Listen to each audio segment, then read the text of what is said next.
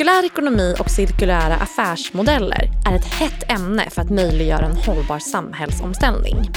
I sammanhanget pratas det ofta om övergången från en linjär till en cirkulär ekonomi där vi slutar med slit och släng och ger plats åt en ekonomi där produkter och värde aldrig, eller så sällan som möjligt, hamnar på soptippen och bränns upp. Cirkulär ekonomi handlar om att ta tillvara på resurser och värdeskapande för att minimera våra material och koldioxidavtryck. Det ska göra under hela produktlivscykeln, vilket innebär att vi behöver skapa ett tajtare samarbete med både kunder och leverantörer. Idag uppskattas världsekonomin vara cirka 8,6% cirkulär, så det finns definitivt en stor förbättringspotential. Vissa produkter är som bekant gjorda, gjorda för engångsanvändning, såsom många av de maskerna som har använts under pandemin. Medan exempelvis aluminiumburkar i vissa länder har en återvinningsgrad på närmare 100% Men hur ser det egentligen ut i industrin och hur kan vi jobba tillsammans för att skapa cirkulära flöden? Det och mycket mer i dagens avsnitt där vi möter Edvin Lindgren, specialist på cirkulär ekonomi hos oss på Itachi Energy. Kraftsamtal, podden som ger dig kunskap och inblick i tekniken som behövs för att möta en av vår tids största utmaningar, den gröna energiomställningen.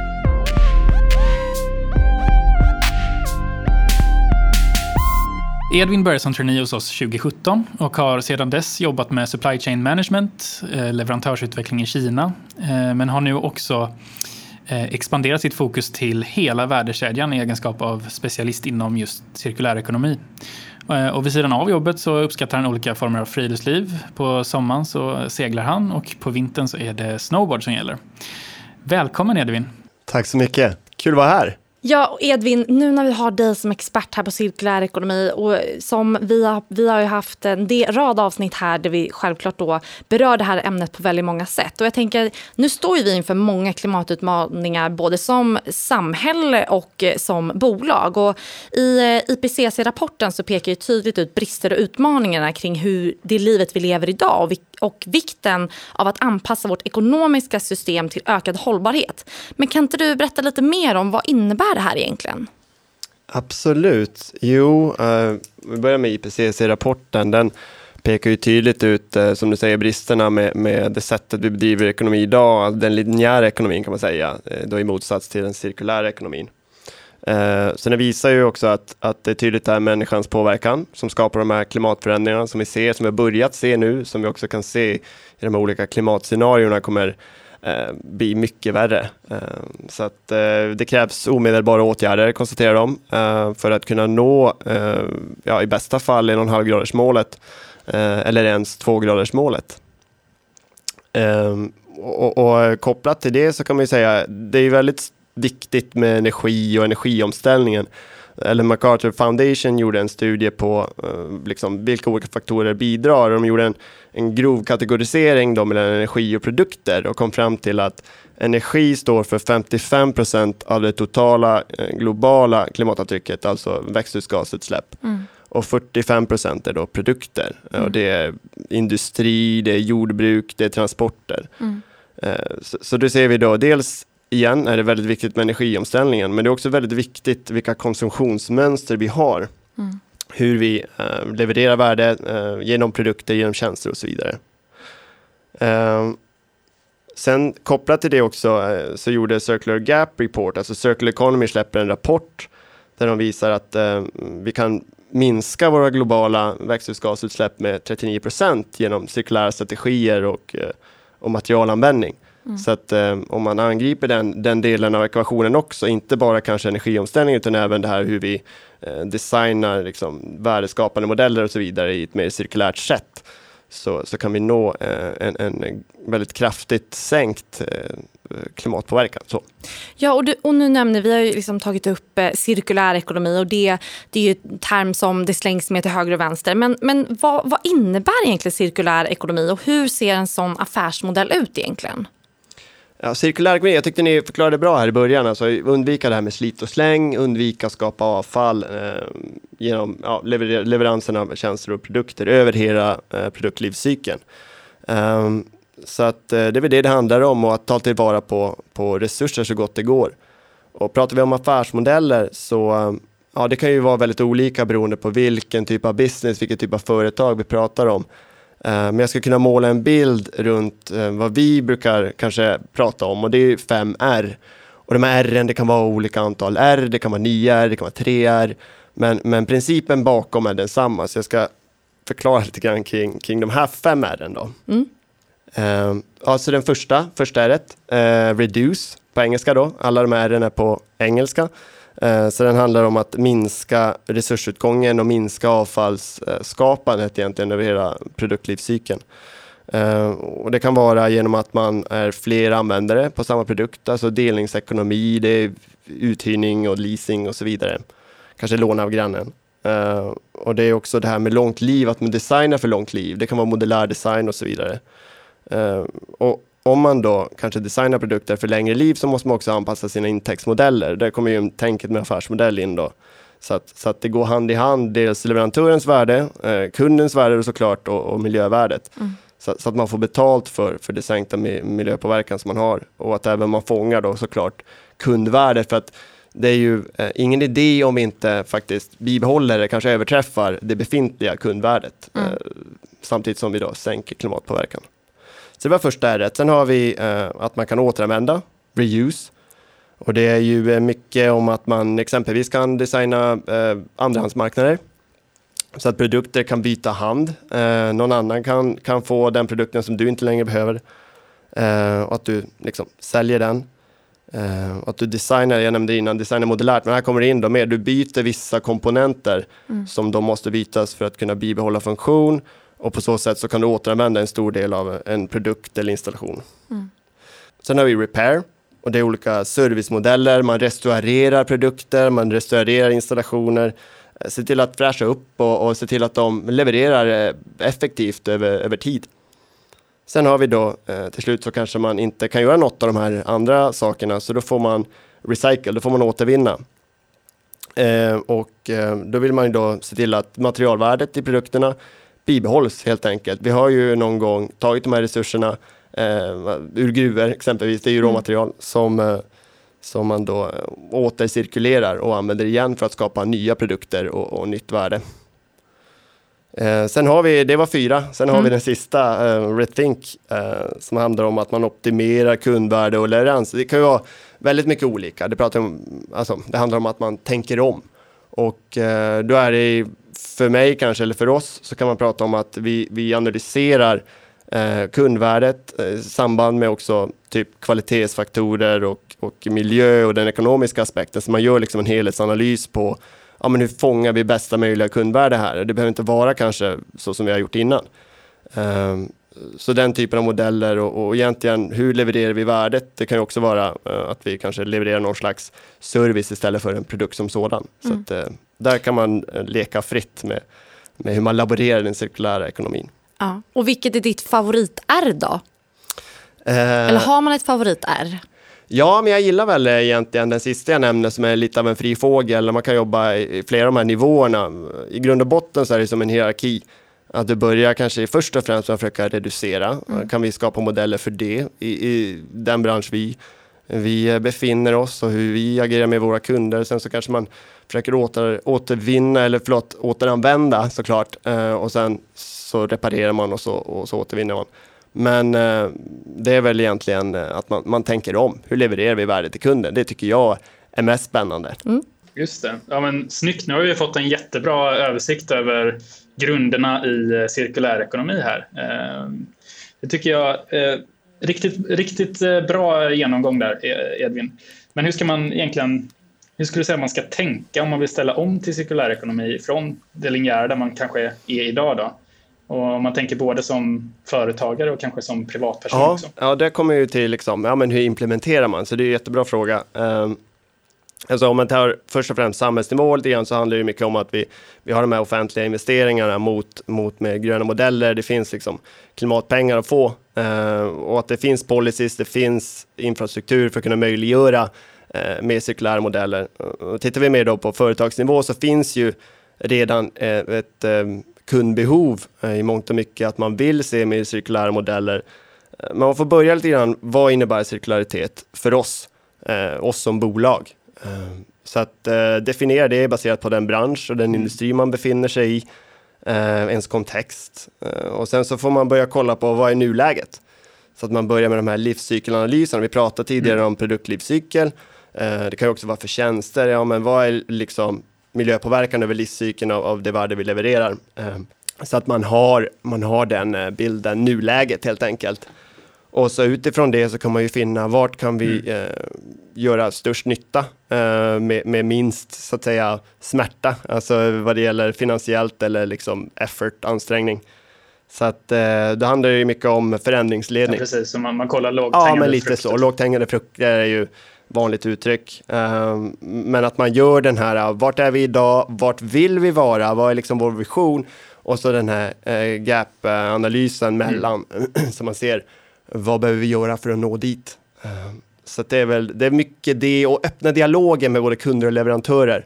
Um, för att uh, de lär uppskatta att ni faktiskt börjar prata om det och att man till och med kan skapa de här modellerna tillsammans. Ja, så det blir också ett verktyg kanske att komma närmare sina kunder och, och Det skulle jag definitivt partners. säga. Eh, jag tror vi nämnde det i början också att, att det handlar om att samarbeta också med, med kunder och leverantörer eh, för att ska man ta i hela produktlivscykeln i beakt så krävs det också att man, man pratar med både kunder och leverantörer för de, de har ju också påverkan. Det är materialen man sätter i sina produkter och det är också hur det används kanske eh, för ens egna kunder.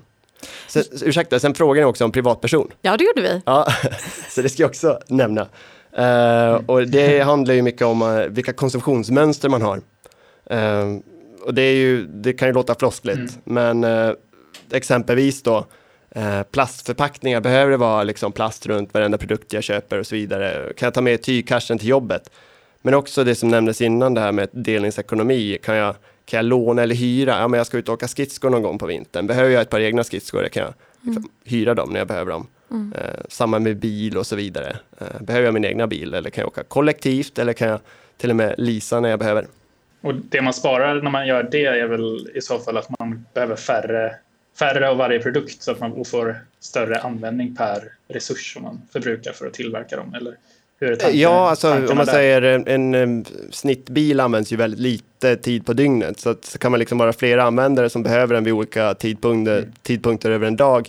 Så, så kan man ju liksom helt plötsligt då halvera eh, den klimatpåverkan man har genom sin bil. Bortsett från givetvis själva transporten då, men i bästa fall kanske man har en elbil som laddas på eh, fossilfri el och då, då stämmer den ekvationen ganska bra, att det blir halverat. Mm. Sen, sen vill jag nämna också att man gör analysen. Alltså, eh, man, man, tänker på, ja men eh, vad, vad kan jag liksom påverka? Vad, vad mm.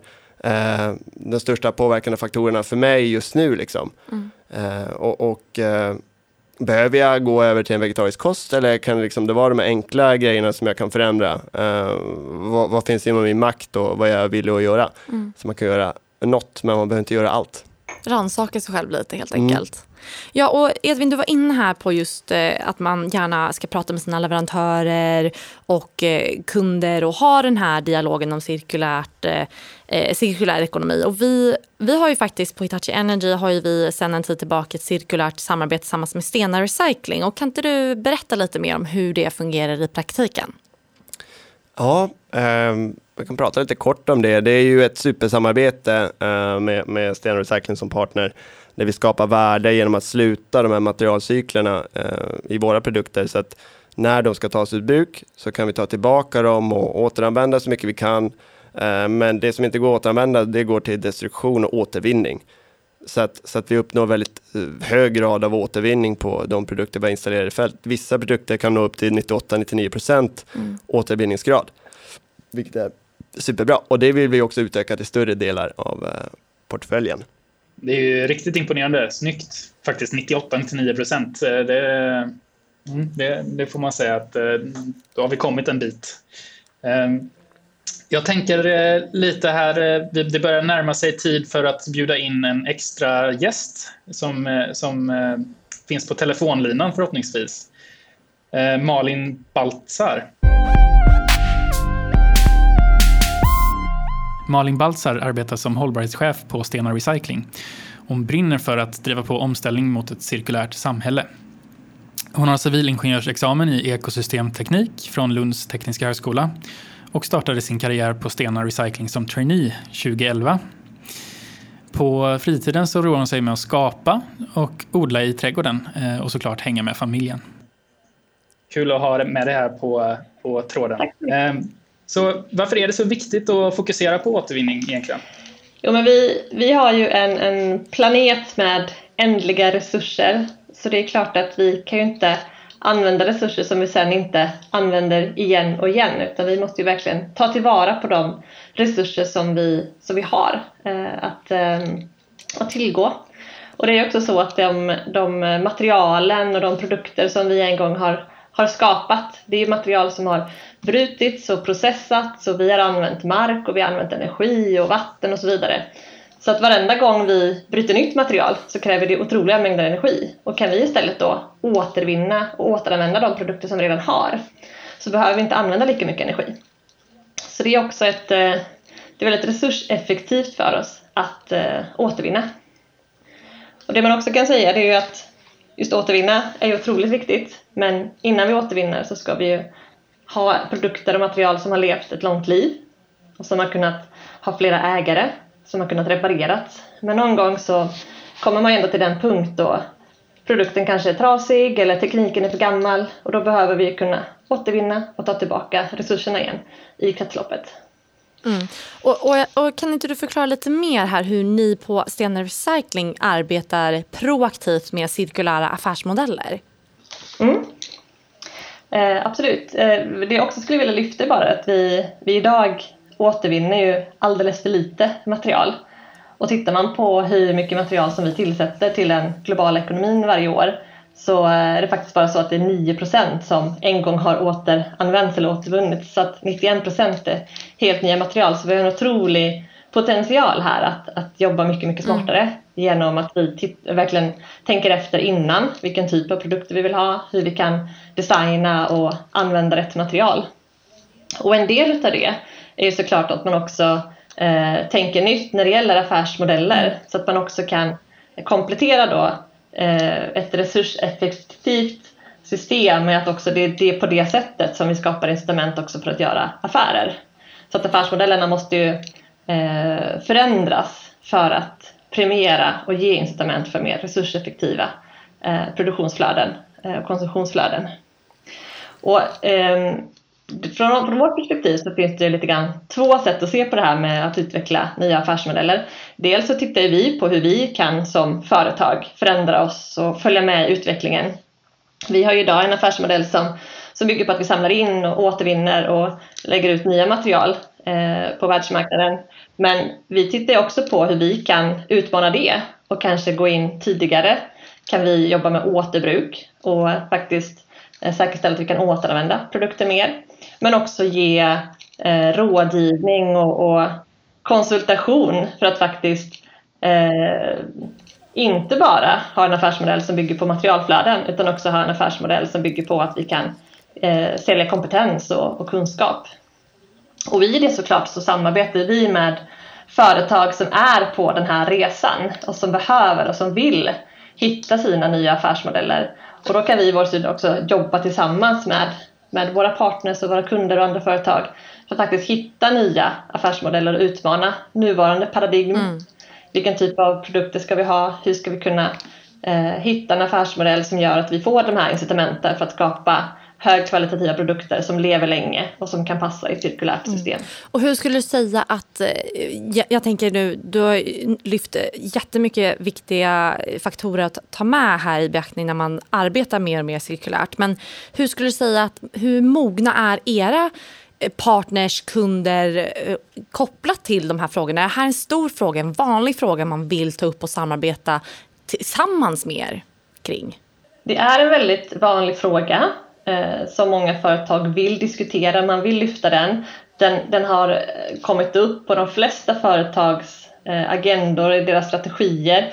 Men man, man är bara där och, och nosar. Man har börjat experimentera med kanske någon del av sin verksamhet där man försöker få till en, en, eh, ny en ny setup med en mer cirkulär affärsmodell. Men det, det är fortfarande så att det bara är en liten del. Man kanske inte fullt ut har har eh, börjat eh, transformera hela företaget utan det är lite grann på experimentstadiet. Så att många har intentioner eh, men det finns inte så många tydliga exempel mm. på att man verkligen har lyckats komma hela vägen. Utan där är det fortfarande lite grann att skrapa på ytan. Mm. Och det finns ju många utmaningar idag med, med de otroligt eh, linjära strukturerna som vi har byggt upp en lång tid i samhället. Att faktiskt få lönsamhet i en cirkulär mm. affär. Mm. Eh, för att det är fortfarande väldigt omoget. Mm. Och vad tänker, vad tänker du när du hör det här Edvin? Uh, nej, jag, jag fick faktiskt en fråga i mitt huvud Malin när du pratar. Alltså, från ditt perspektiv, tycker du att förutsättningarna finns där för omställningen? Har det att göra med hur snabbt man kan springa eller är det fortfarande saker som behöver på plats? Det är, jag skulle säga att det finns nog en hel del saker som, som behöver finnas på plats, men det är liksom olika, olika delar. Eh, det finns en vilja, det finns en, en, som en, en ambition och jag tror en förståelse för att det här är rätt väg. Mm. Men sen finns det hinder i eh, både kring att jungfruligt material är, är väldigt billigt mm. Vilket gör att du har inte riktigt eh, den ekonomiska bilden att faktiskt eh, jobba med de här cirkulärflödena. Du har viss, vissa hinder i lagstiftning eh, som finns där. Eh, men vi har också det här med, med våra eget beteende. Mm.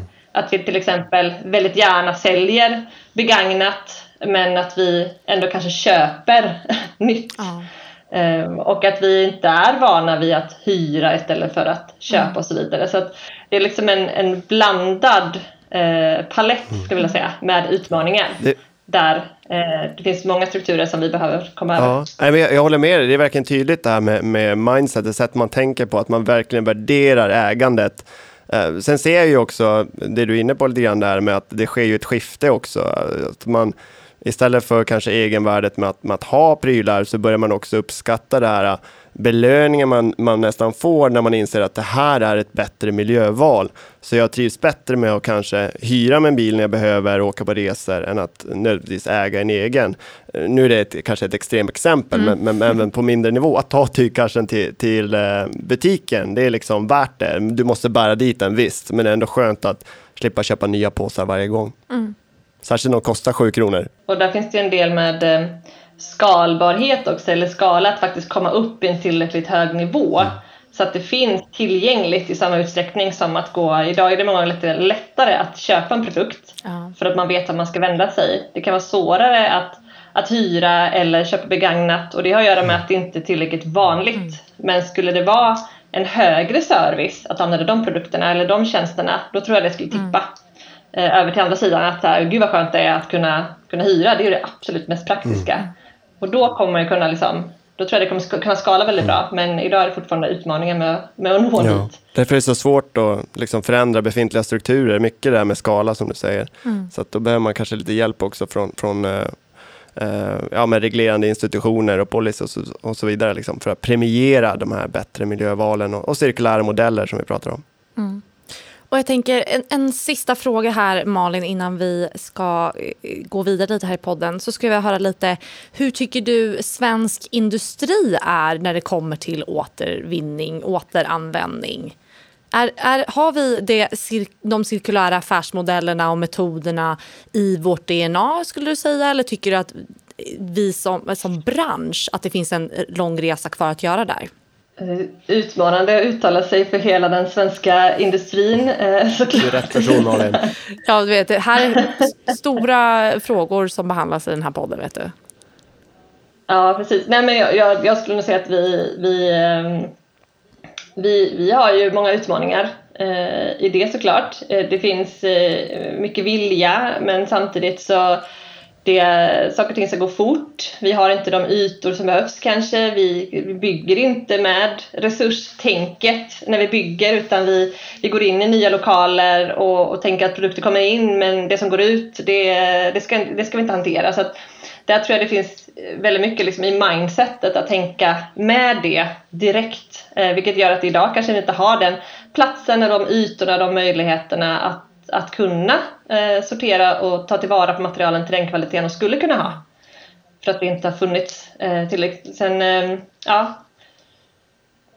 Så det, det, finns, eh, det, det, finns en hel del att önska mm. även om, om eh, det finns mycket som är på god väg och många har en god vilja. Vi har både avfall och, och cirkularitet som, som en eh, återkommande del i många strategier. Men i det dagliga arbetet så tror jag många upplever utmaningar med att ha rätt förutsättningar ändå för att kunna eh, återvinna, återbruka på ett så bra sätt som vi skulle kunna göra. Men då tänker jag att partnerskap med er som aktör då till exempel kan ju vara i alla fall ett steg i rätt riktning.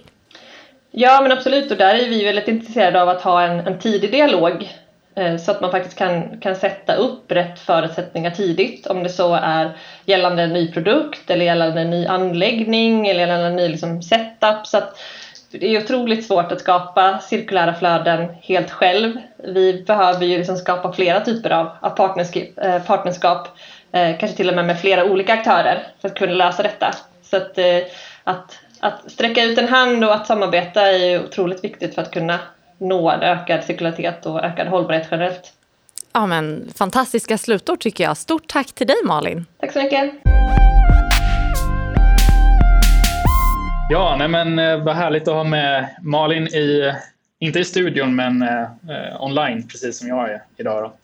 Eh, jag tycker att det är väldigt intressant att höra hennes perspektiv också eftersom hon verkligen är i, i, i branschen som, som cirkulerar kring eh, cirkulär ekonomi och återvinning med Stena Recycling. Ehm, och att titta på det här med både eh, vanor som, som folk har, där vi har lite mjuka värden som, som kanske ligger i vägen för omställning eller som, som behöver förändras, men, men också eh, vad det finns för eh, möjligheter med, med affärsmodeller och eh, att få stöd från kanske eh, reglerande institut och så vidare. Var det, var det några andra reflektioner som, som, som du tänkte på där, Edvin, eller var det något speciellt som stack ut? Nej, men jag tycker det är så kul att prata med, med Malin och Sten Recycling. Så för, för de är liksom sista utposten. Eh, jag pratade lite grann innan om de här fem R och vi börjar liksom från reduce och sen så vill vi eh, reuse och repair och så vidare. Sen kommer vi ner till recycle. Eh, och, och, det är ju där de verkligen kan knyta ihop de här resurslooparna, alltså resursflödena, så att, så att det blir cirkulärt. Och sen så eh, pratar även hon om att man kan jobba, de har den här konsultbusinessen för att kunna jobba högre upp och även kunna reducera i ett tidigare stadie och vara proaktiv. Eh, så att jag tycker det där också hon nämner med, med dialogen eh, mellan kunder, leverantörer, ehm, att, att man skapar den, som vi pratade om innan också, så här för företag att börja öppna dialogen. Eh, ha samtalen, hur kan vi liksom skapa det här tillsammans? Så det tyckte jag är, det är kul att höra när hon, när hon pratar om det. Eh, men också svårigheten, alltså det är inte liksom guld och gröna skogar. Det kanske är det i teorin, men det är fortfarande strukturer och tankesätt vi behöver förändra för att premiera de mer så att säga, ansvarsfulla modellerna eller kanske mer då, mindre klimatpåverkande eller miljöpåverkande modellerna. Mm. Och, och, jag tänker att här du nämner guld och gröna skogar, att det blir gröna skogar och liksom, alltså man förstår ju ganska enkelt miljöaspekten av att välja en eh, cirkulär eh, affärsmodell. Men om vi, om vi går till guldet i, i det hela då, alltså, mm. hur ser den ekonomiska vinningen ut? Finns det en ekonomisk vinning eller blir det här bara en, en greenwash-aktivitet? Eller vad, vad, vad skulle du säga där, Edvin? Nej, eh, greenwashing, det ska jag nog inte säga att det är. Eh, kanske bara om man pratar om det och inte gör någonting i praktiken. Uh, men, men uh, definitivt så att, att tanken är ju att, att du bedriver en ekonomi som, som dels bibehåller kundvärdet som vi pratade om, men också det liksom ekonomiska uh, värdet. Det kan inte bli alldeles för dyrt, för då kommer det inte riktigt vara försvarbart. Så att det är inte nödvändigtvis så att du behöver bedriva det som att du har en budget på sidan av för CSR exempelvis, eller miljö och så försöker du göra cirkulära saker med den, utan det handlar ju mer om att integrera det i din business där du hittar fördelarna även ekonomiskt. Alltså det är ju kanske best case. Sen kan det finnas investerare som behöver göras givetvis ändå. Mm. Men, men, det är också för att man ser att strukturerna är ju byggda nu för en linjär ekonomi. Mm. Så för att skapa en förändring så kanske man behöver eh, investera men eh, överlag så, vi pratade i början här lite grann om att vissa produkter, exempelvis aluminiumburkar, där kan man i vissa länder uppnå nära 100% återvinning. Och varför man har skapat så effektiva återvinningsmodeller för just aluminiumburkar är för att aluminium, eh, när man återvinner det så sparar man 95% av den energi som krävs jämfört då med att, att ta helt ny aluminium från gruvorna eh, och bearbeta det och så vidare.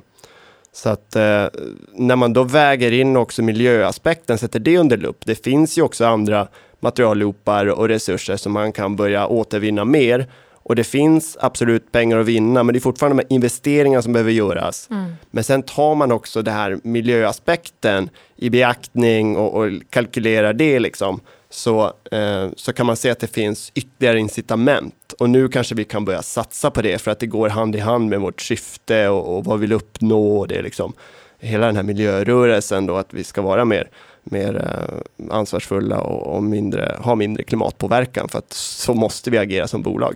Mm. Och inte bara som bolag tänker jag utan även människor generellt. Mm.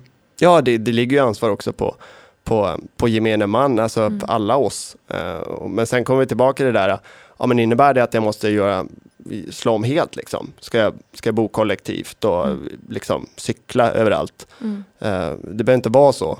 Uh, utan gör det du kan, det du känner är försvarbart och som, som du känner är liksom någonting som, som du kan bidra med. sen behövs ju också de här investeringarna. Mm. Det behöver inte vara ditt uppdrag att göra hela lösningen på egen hand så att säga. Utan det måste också vara att vi som samhälle väljer mm. att investera i det och skapa nya strukturer. Um, och så Edvin, nu, vi brukar alltid köra en avslutande fråga här i podden och uh, nu är det din tur. Så vad tycker du är den viktigaste faktorn för att uh, kunna ställa om till ett fossilfritt energisystem? Ja, kul att få frågan. Uh, om man då ska uh, säga en faktor, det finns ju många, jag har berört flera. Ja. Uh, och ska jag nämna en grej så handlar det mycket om vart vi investerar, vart kapitalet flödar. Och då ska jag nu säga att den största faktorn jag ser är att vi, vi slutar med subventionering av fossilbaserad kraft mm. och, och, undviker nyinvesteringar i detsamma. Mm. Eh, och det innebär ju också att det kommer att ha kapital mer kapital över till att eh, subventionera eh, förnybar eller fossilfri kraft och även investera i, i elnätskapacitet och stabilitet. För det kommer behövas när vi har eh, mer, mer förnybar kraft och kanske en helt annan elnätslösning om man tittar på kanske ja, mer microgrids och alla de här bitarna som ni kanske kommer hantera i en annan podd framöver. Ja, det, det får vi verkligen göra. Stort tack för att du var med idag Edvin. Jättespännande att ha dig här. Mm, tack så mycket, det var jättekul att få komma hit och prata om de här bitarna. Eh, så att, eh, men det var jättekul. Tack så jättemycket.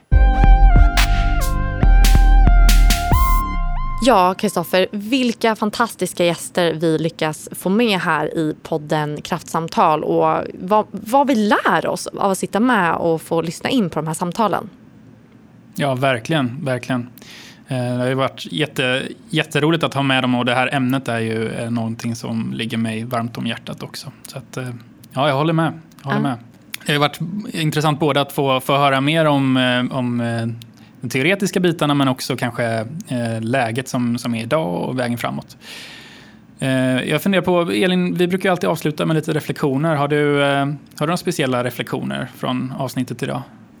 Ja, men, eh, jättespännande att höra om eh, bak, liksom, teorin som du nämnde bakom eh, cirkulär ekonomi och, eh, och, och, och, och sådär. Men, men jag tyckte att någonting som Edvin lyfte upp som jag, jag, kanske inte har reflekterat speciellt mycket på om jag ska vara helt ärlig. Just det här när vi pratade om hur ska vi kunna ställa om eh, på, till ett fossilfritt energisystem. Och då tyckte jag att han lyfte en väldigt viktig aspekt. Det här att vi måste sluta subventionera eh, fossilbaserade energikällor. Och det tycker jag är ett otroligt viktigt perspektiv att lyfta upp här. För, för vi är bortskämda i Sverige med en stor del av förnybar energi och just att lyfta var att kapital ofta i samhället har en stor betydelse av vad, vad det görs för satsningar inom land, land och globalt. Och det tycker jag är en väldigt eh, intressant vinkel på hur, ja, men vad som man faktiskt kan göra ganska konkret för att göra en skillnad. Vad, vad tänker du Kristoffer? Ja, nej, för, för det första så jag håller helt med dig. Det var, det var ett väldigt bra in, inslag från, från eh, Edvin där med, med subventioner. Och, men eh, i övrigt så, så är det ju, hamnar man ju det här som vi ofta kommer tillbaka till, skulle jag säga, att eh, samarbete och mm. ett holistiskt perspektiv är extremt viktigt. Mm. Och att det här är ett väldigt mångfacetterat problem där vi behöver angripa från flera håll med affärsmodeller men också mjuka värden som, i, som mm. jag nämnde tidigare med Eh, men liksom hur ändrar man eh, vanor då som de, de, de var inne på. Mm. Så att eh, ja, nej men det, det är ett väldigt spännande ämne och det finns väldigt, väldigt mycket mer att prata om och lära sig. Så att se fram emot framtida avsnitt på ämnet. Ja, men stort tack för idag och för att du lyssnade. Tack så jättemycket. I nästa avsnitt ska vi grotta ner oss i ämnet förnybar energi och ta ett värmande grepp om solenergin. Vilken potential har egentligen solenergin i Sverige eh, och hur tar vi vara på den på bästa sätt? Gästar oss gör Johanna Dahlberg från Hitachi Energy och Simon Alin från Svea Solar. Ett strålande avsnitt, så missa inte det.